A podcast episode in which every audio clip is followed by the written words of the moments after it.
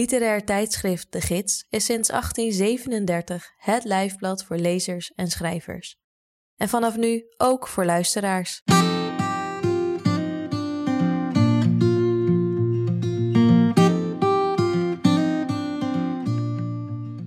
Je luistert naar Sprekende Letteren, een podcast met verhalen, essays en poëzie uit de gids, voorgelezen door de schrijver of dichter zelf. In deze aflevering hoor je het onbehagelijke verhaal Witte Schoenen van Nicole Kaandorp uit de gids 2020-5, waarin twee vreemden elkaar ontmoeten op de dansvloer van een festival. Witte schoenen. Ik doe al mijn kleren uit. Mijn broek valt in het zand, mijn donkerblauwe onderbroek. Ik gooi mijn t-shirt er bovenop, mijn BH met een randje zweet dat in het donker gelukkig niet opvalt. Ik durf de jongen niet aan te kijken. Blijf hier, zeg ik goed. Ik kom terug. En ik maak een gebaar naar beneden, mijn handen trillen. Hij knoopt zijn broek dicht. Ik loop achteruit naar het water en kan zijn gezicht niet goed zien, maar ik weet dat hij me aankijkt. Het is koud, veel kouder dan ik dacht. Het hoeft niet, zegt hij. Je wilde het toch? Je wilde wel. Ik wacht niet op antwoord. Ren, duik zodra het zwarte water me te veel vertraagt en zwem. Het begon op een verhoogd stukje dansvloer in de technotent. Ik had eerder die avond in het programmaboekje gekeken wie er draaide, maar de namen zeiden me allemaal niets. Het boekje raakte ik kwijt in een dictie, mijn vrienden ergens midden vooraan het hoofdpodium, dus ik danste daar waar het er het leukst uitzag. De jongen stond al een tijdje voor me voordat hij me echt opviel. Hij had een zonnebril op, zo'n gele met een ijsthee-logo op de zijkant. Er waren meer mensen met die zonnebril, misschien kon je die ergens gratis krijgen. Hij droeg een t-shirt met een geborduurd eendje op de borst en ik wist meteen, wij zijn elkaars type. Niet voor altijd, maar zeker voor een nacht. Hij maakte sierlijke figuren met zijn handen, danste alsof hij oudere zussen had die hij graag nadeed. Er stootte iemand tegen mijn rug en ik stapte naar voor, naar hem toe. De glazen van zijn zonnebril reflecteerden. Keek hij naar me? Ik wel naar hem. Misschien knipoogde ik. Ik kan dat heel goed, zonder de rest van mijn gezicht te bewegen, en het werkt bijna altijd. Hij stootte me zogenaamd per ongeluk aan en glimlachte, één mondhoek hoger dan de ander. Zet je zonnebril eens af. Wat? Ik trok een van zijn oordopjes, die aan een touwtje om zijn nek hingen, uit zijn oor en boog naar hem toe. Hij rook lekker. Droge lakens en wasmiddel of parfum. Zet je bril af. Waarom? Maar hij deed het. Haakte hem in de hals van zijn shirt. Blauwe ogen. Nu ik zijn gezicht helemaal zag, leek hij wat jonger, maar niet te jong, in de twintig toch zeker? Dat is beter, zei ik, en ik legde mijn hand op zijn achterhoofd, voelde het zweet in zijn klamme nek en ik dacht: ik doe het gewoon. We zoenden. Geen stoppels. Hij zoende vol en zacht, zijn lippen als oesters, maar ook snel. Ik dacht: heb je haast? En ik bewoog zelf mijn tong extra langzaam, alsof we zo een goed gemiddelde zouden bereiken. Er stonden een paar jongens met dezelfde gele zonnebrillen naar ons te kijken. Nice man, zei een van hen. Hij sloeg de jongen met een vlakke hand op zijn rug, waardoor hij een beetje tegen mij aanviel. Hij veegde met de achterkant van zijn hand zijn mondhoek droog. Waren dit zijn vrienden? Ik werd niet aan ze voorgesteld, dus ging ik op mijn tenen staan en fluisterde ik in zijn oor: We gaan. Ik voelde alle ogen van die vrienden op mijn kont gericht, terwijl we de tent uitliepen, de motregen in. Hij hield mijn hand vast en ik wreef met mijn duim over zijn huid. Hoe heet je? Abel. Lisette. De motregen parelde in zijn krulhaar. We scholen niet, het was het zachte soort zomerregen dat je eigenlijk nauwelijks opmerkte. Aangenaam, zei hij. Wij gaan samen whisky drinken, Abel. Hij bleef staan en twijfelde, kneep in mijn hand. Ik ben een beetje aan de M, ik weet niet of dat goed mixt. Eén slokje kan geen kwaad, lachte ik, en ik raakte zijn onderarm aan. Dat was ook zo'n truc, af en toe aanraken. Lang oogcontact. Het voortouw nemen kon geen kwaad, al moesten de jongens uiteindelijk wel denken dat zij mij hadden versierd. Waar kom je vandaan? fluisterde ik, het randje van zijn oor tegen mijn lippen. Elspet. Huh? Bijbelbelt. Ik lachte. Ben je christelijk? Hij keek niet beledigd om mijn G, maar ik hoorde zijn antwoord niet. We waren aan de beurt. Vertwijfeld pakte hij zijn bekertje whisky van de bar en ik zei: Echt, je voelt er niks van. Het is allemaal aangelengd hier. Ik zwem borstkuil, hard. Ik heb mijn oude conditie niet meer en ik hijg. Op de camping achter me roept iemand: Laura! Niet mijn naam, niet zijn stem, toch schrik ik. Ik kijk expres niet om, bang dat degene die het roept daardoor denkt dat ik wel Laura ben. Het is donker en ik ben ver genoeg van het strandje af om mijn gezicht niet meer van dat van een ander meisje te kunnen onderscheiden, maar alleen hij mag mij hier zien zwemmen. Plots stel ik me de festivalbewaking voor, in oranje hesjes op een reddingsbootje. Dat zou het ergste zijn. Als hun zaklampen op me zouden schijnen en me uit het meer zouden plukken, me met hun armen onder mijn oksels het bootje introkken en ik naakt, nat haar en uitgelopen mascara teruggevaren zou worden naar dat strand. De boeien lijken steeds verder bij me weg te drijven. Ik ben dronken en buiten adem. Draai me op mijn rug naar de donkere lucht even ademhalen. Ik denk aan de vlaggetjes, die vroeger tijdens de training boven het zwembad hingen. Als ik die zag, vijf meter voor het eind van de baan, moest ik mijn slagen beginnen te tellen, zodat ik wist wanneer ik kon keren. Aan het begin zeven, later nog maar drie. En ik denk aan het zwembad zelf, de chloorlucht en de echo, al die jaren dat ik er vijf, zes, later elke dag in de week kwam. Ze verbouwden vaak, verplaatsten de kleedkamers van naast de kantine via de kelder naar de plaats waar vroeger de stoomcabines stonden. Toen ik in de kelders na een training had verteld wat ik soms stiekem in het weekend deed, gingen de meisjes anders naar me kijken. Sommigen voorzichtig of met een excuus van je bandje zit gedraaid, Lies, zal ik het recht doen? Maar er waren er ook bij die geen seconde wegkeken terwijl ik me afdroogde. Ik ging me er niet door haasten. Mijn huid had iets meegemaakt en de hele kleedkamer mocht onderzoeken of daar sporen van te zien waren. Zullen we anders een rondje wandelen? vroeg hij, zijn bekertje whisky stevig in zijn beide handen. We stonden in de hoek van de technotent. Ik danste en hij keek. Ik ben een beetje licht in mijn hoofd. Hij lachte erbij alsof het suggereerde dat het van het zoenen was, maar hij zag wat wit. Of misschien kwam dat door de laserlichten. We liepen door de modder van de motregen en ik keek naar zijn vies geworden witte schoenen. Ik vond het aantrekkelijk dat hij dat niet erg vond. We liepen hand in hand. Ik stuurde hem een beetje de goede kant op, richting de camping, en zeiden niets meer tegen elkaar. Met mijn duim wreef ik over zijn handpalm en ik werd er zelf ook geil van. Hij was nerveus. Ik vond dat prima. Goed juist. Ik was ook spannend. Bij de ingang van camping B bleef hij staan. Ik kon mijn fel oranje tentje al op de heuvel zien en vroeg me af welke de zijne was, maar hij zei: Zullen we doorlopen naar het strandje anders? Ik wilde er tegenin gaan, want seks op een strand, dat was zanderig. Het hoezo lag al op mijn lippen, maar het voelde ongepast om te vragen. Was zijn tent te rommelig? Deelde hij hem met iemand? Ik wilde niet voorstellen om naar mijn tent te gaan als hij dat niet zelf vroeg. Hij was de jongen, ik moest met hem mee. Zo ging dat. Mannen probeerden mij hun tent in te krijgen of hun huis en meestal wees ik ze af. Het gezicht van een man die nee hoorde, echt nee, zo een waar een maar niks tegen deed, dat was prachtig. Maar ik hoefde het vanavond niet te zien. Het was lief dat hij het voorstelde eigenlijk, het strand. Best romantisch. Hoe laat zou het zijn? Drie, vier? Misschien konden we de zon zien opkomen? Was dat zijn bedoeling? Ik kon hem later wel pijpen, juist omdat hij er niet naar zou vragen. Ja, zei ik. Op het strandje schenen geen lampen, maar er was genoeg licht van de camping om elkaar nog goed te kunnen zien. De bar die hier stond was dicht en ik dacht dat ik iemand in een van de zitzakken verderop zag slapen, maar het kon ook een schaduw zijn. Er woei een koele wind over het zand. We gingen zitten. Hij zei: Ik wil zo wel weer mijn vrienden zoeken. En ik knikte. Ze zouden anders vast niet geloven dat hij met mij naar bed was gegaan, want als hij echt weg wilde, had hij ook gewoon om kunnen keren en terug kunnen lopen. Ik liet het koele zand door mijn vingers gaan en legde mijn hoofd op zijn schouder. Hij trilde een beetje, sloeg een arm om me heen en ik kuste hem op zijn wang vlak naast zijn mondhoek, waarop hij kort in mijn schouder kneep en naar het water bleef kijken. Ik kon me voorstellen dat een ander me zo alleen op het strand al lang had willen uitkleden en het stelde me gerust dat hij dat niet deed. Hij kroelde met zijn trillende hand door mijn haar op de objectieve manier die ik kende van jongens aan de drugs. Ik was zacht en zacht was lekker. In de verte dreven de boeien die het veilige zwemgebied afbakenden en aan de overkant kon ik de bomen al zien staan.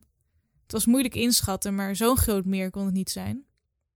Kun je zwemmen? vroeg ik. Ik heb een A-diploma. Hij fronste. Hoezo? Jij niet dan? Ik zat op wedstrijdzwemmen. Heel lang en ik was goed. Zeg maar, Olympische Spelen goed? Ik lachte, haalde mijn schouders zo bescheiden mogelijk op. Ik had potentie, laten we daarop houden. Wat gebeurde er? Het wateroppervlak rimpelde door de wind. Ik weet het niet, zei ik. Het leven, denk ik. Ik werd ouder, ik wilde andere dingen. Feesten, zoals iedereen. Niet acht keer per week, je weet wel. Dat kleine zwembrilletje voor mijn droge rode ogen, de kleedkamer waar iedereen keek en alles wist, de roddels op MSN, die overdreven focus op de milliseconden die je kon verbeteren, terwijl er anderen waren die meer dan een seconde sneller gingen. Maar dat zei ik allemaal niet. Maar je was goed. Hé, hey, tegenwoordige tijd, hè? Ik ben goed. Dat zou ik wel eens willen zien, zei hij, zoals je zoiets kon zeggen over een goede documentaire of het Noorderlicht. Ik lachte. Ja, misschien later. Ik heb geen. Um... Hij strekte zijn arm uit, gebaarde naar het meer. Water genoeg, wilde hij zeggen, maar het was anders. Zonder badmuts, zonder zwembril, zonder strak, duur zwempak. Ik weet het niet, zei ik. Het voelt gênant. Hij glimlachte. Ik had het idee dat hij niet echt geloofde dat ik hard kon zwemmen, maar ik lachte het weg. Liet mijn hand op zijn t-shirt rusten waar zijn hart ongeveer zat. Kon ik het voelen? Ik hoorde alleen de dreunende bas van het festivalterrein. Misschien kunnen we eerst iets anders doen, zei ik, en ik duwde hem voorzichtig naar achter. Ik wissel mijn rugslag weer voor borstkrul. Door, door, om de drie slagen ademhalen. Ik kijk vooruit, de boeien zijn al een stuk dichterbij, maar ik krijg steken in mijn zij. Hoezo gaat het zo langzaam? Meer dan 100 meter kon het dacht ik niet zijn, maar ik ben al zeker een paar minuten aan het zwemmen. Naar de jongen durf ik niet om te kijken, naar het strand en de lichten daarachter, zijn schaduw op het zand. Ik ben vast al te ver om hem te zien. Ik zwem over iets heen, een plant. De gribbelige bladeren kietelen over mijn onderbuik en ik heb spijt dat ik mijn onderbroek ook uit heb getrokken. Het was een dure. Ik hoop dat hij er nog ligt als ik terug ben. Hij had zich achterover laten vallen. Zijn armen slap naast zijn lichaam. Hij lachte wat en ik kuste zijn armen, zijn hals, het randje van zijn t-shirt waar zijn zonnebril aan had gehangen die was hij nu kwijt. Ik tilde zijn shirt omhoog. Ik voel me niet zo lekker, zei hij. Ik was al bij zijn onderbuik aangekomen. Bij mij draaide het ook wat. Heb je daar wat water in je tasje? vroeg hij. En ik hield mijn heuptasje omhoog. Het was veel te klein voor een fles. Moet ik iets halen anders? Nee, nee, sorry, zei hij. Te veel whisky? Ik ging naast hem liggen, legde mijn hand op zijn onderbuik. Het zand plakte aan mijn schouder. Voorzichtig kuste ik zijn oor en ik luisterde naar hoe hij ademde. Het zou zo weer voorbij gaan. Dit soort dingen gingen altijd voorbij. Over een paar minuutjes konden we verder. Er waren geen sterren in de lucht vannacht. Ik wees er naar. Huh? Geen sterren. Ik ben maagd, zei hij.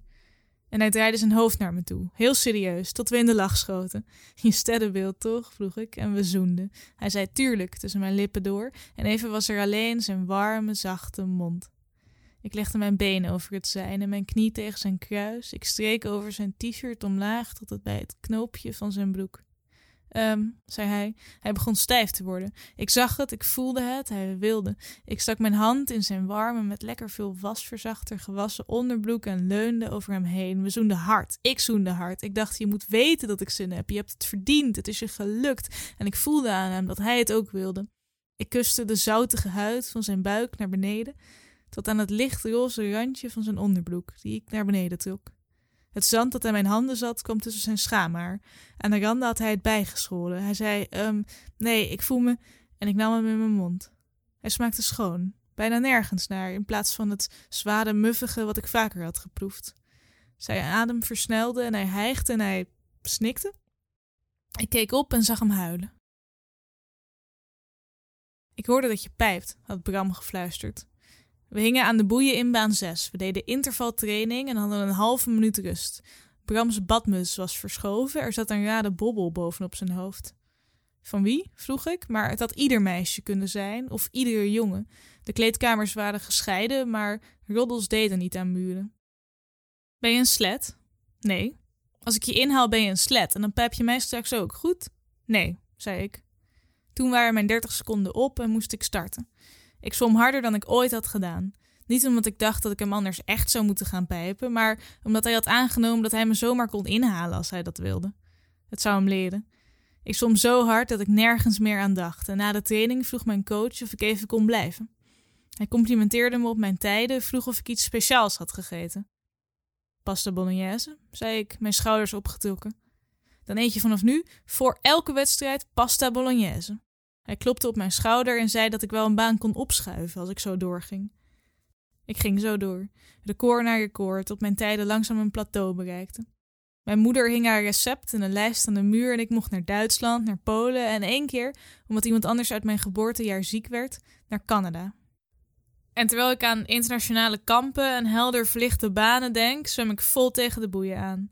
Van schrik adem ik een hap water in. Ik hoest en houd me stevig vast aan de lijn. Het plastic is glibberig van de algen. Anders dan de strakke ringlijnen van het zwembad zijn dit grote bollen, afwisselend wit, rood, wit, rood. Ik haal een paar keer diep adem en laat mijn hoofd in mijn nek rusten. Kijk naar de donkere lucht. Nog steeds geen sterren. Ooit vertelde ik tijdens een interview met het clubblaadje over Bram, waarop de vader van een zwemmer, die in zijn vrije tijd journalist speelde, geschrokken het opnameapparaat uitzette. Wat vreselijk, zei hij. Wat dapper dat je dat vertelt. Ik had er een luchtig verhaal van willen maken, in de trant van, ach jongens, en begreep niet wat er aan de hand was. De rest van de avond werd een ongemakkelijke bedoeling, waarbij de vader me steeds meewarig aankeek, terwijl ik probeerde uit te leggen dat ik het echt niet zo erg had gevonden. Het was een grapje, ik was er sneller door gaan zwemmen, dus het had toch juist goed uitgepakt. Het stuk kwam nooit in het blaadje. Ik hang moe aan de boeien. In drie minuten heen en weer? Echt niet. Ik ben dronken. Het water is zwaar. Ik wil niet terug naar het strandje. Ik weet niet hoe ik het zou moeten uitleggen. Omdat ik nu eenmaal verwachtte dat het zou gebeuren? Hij had zulke zachte handen. Ik schrok en ging rechtop zitten. Hij wreeg zijn ogen droog en trok zijn onderbroek over zijn stijven. Er stonden astronautjes op de roze stof. Wat is er? vroeg ik. Misschien riep ik het. Misschien lag de klemtoon te verontwaardigd veel op de is. We keken elkaar aan. Toen schoot hij overeind. Met één hand hield hij zijn broek omhoog en hij rende weg, struikelde zowat in het losse zand. Ik zei toch nee, riep hij, of misschien was dat eerder al, het echo door mijn hoofd, zijn stem sloeg over. Ik dacht, maar, maar ik dacht, begon ik, en ik wist de rest van de woorden niet en rende naar hem toe.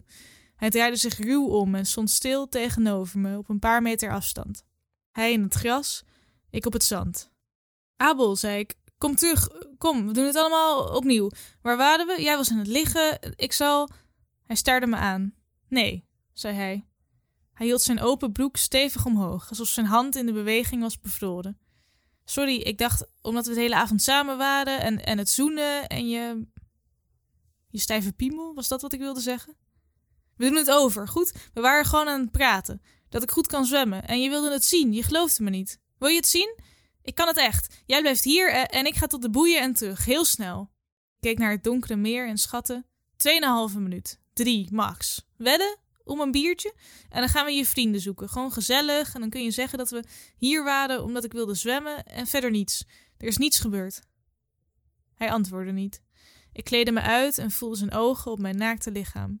Het voelde vertrouwd en ik werd er misselijk van. Ik liep het water in en zwom.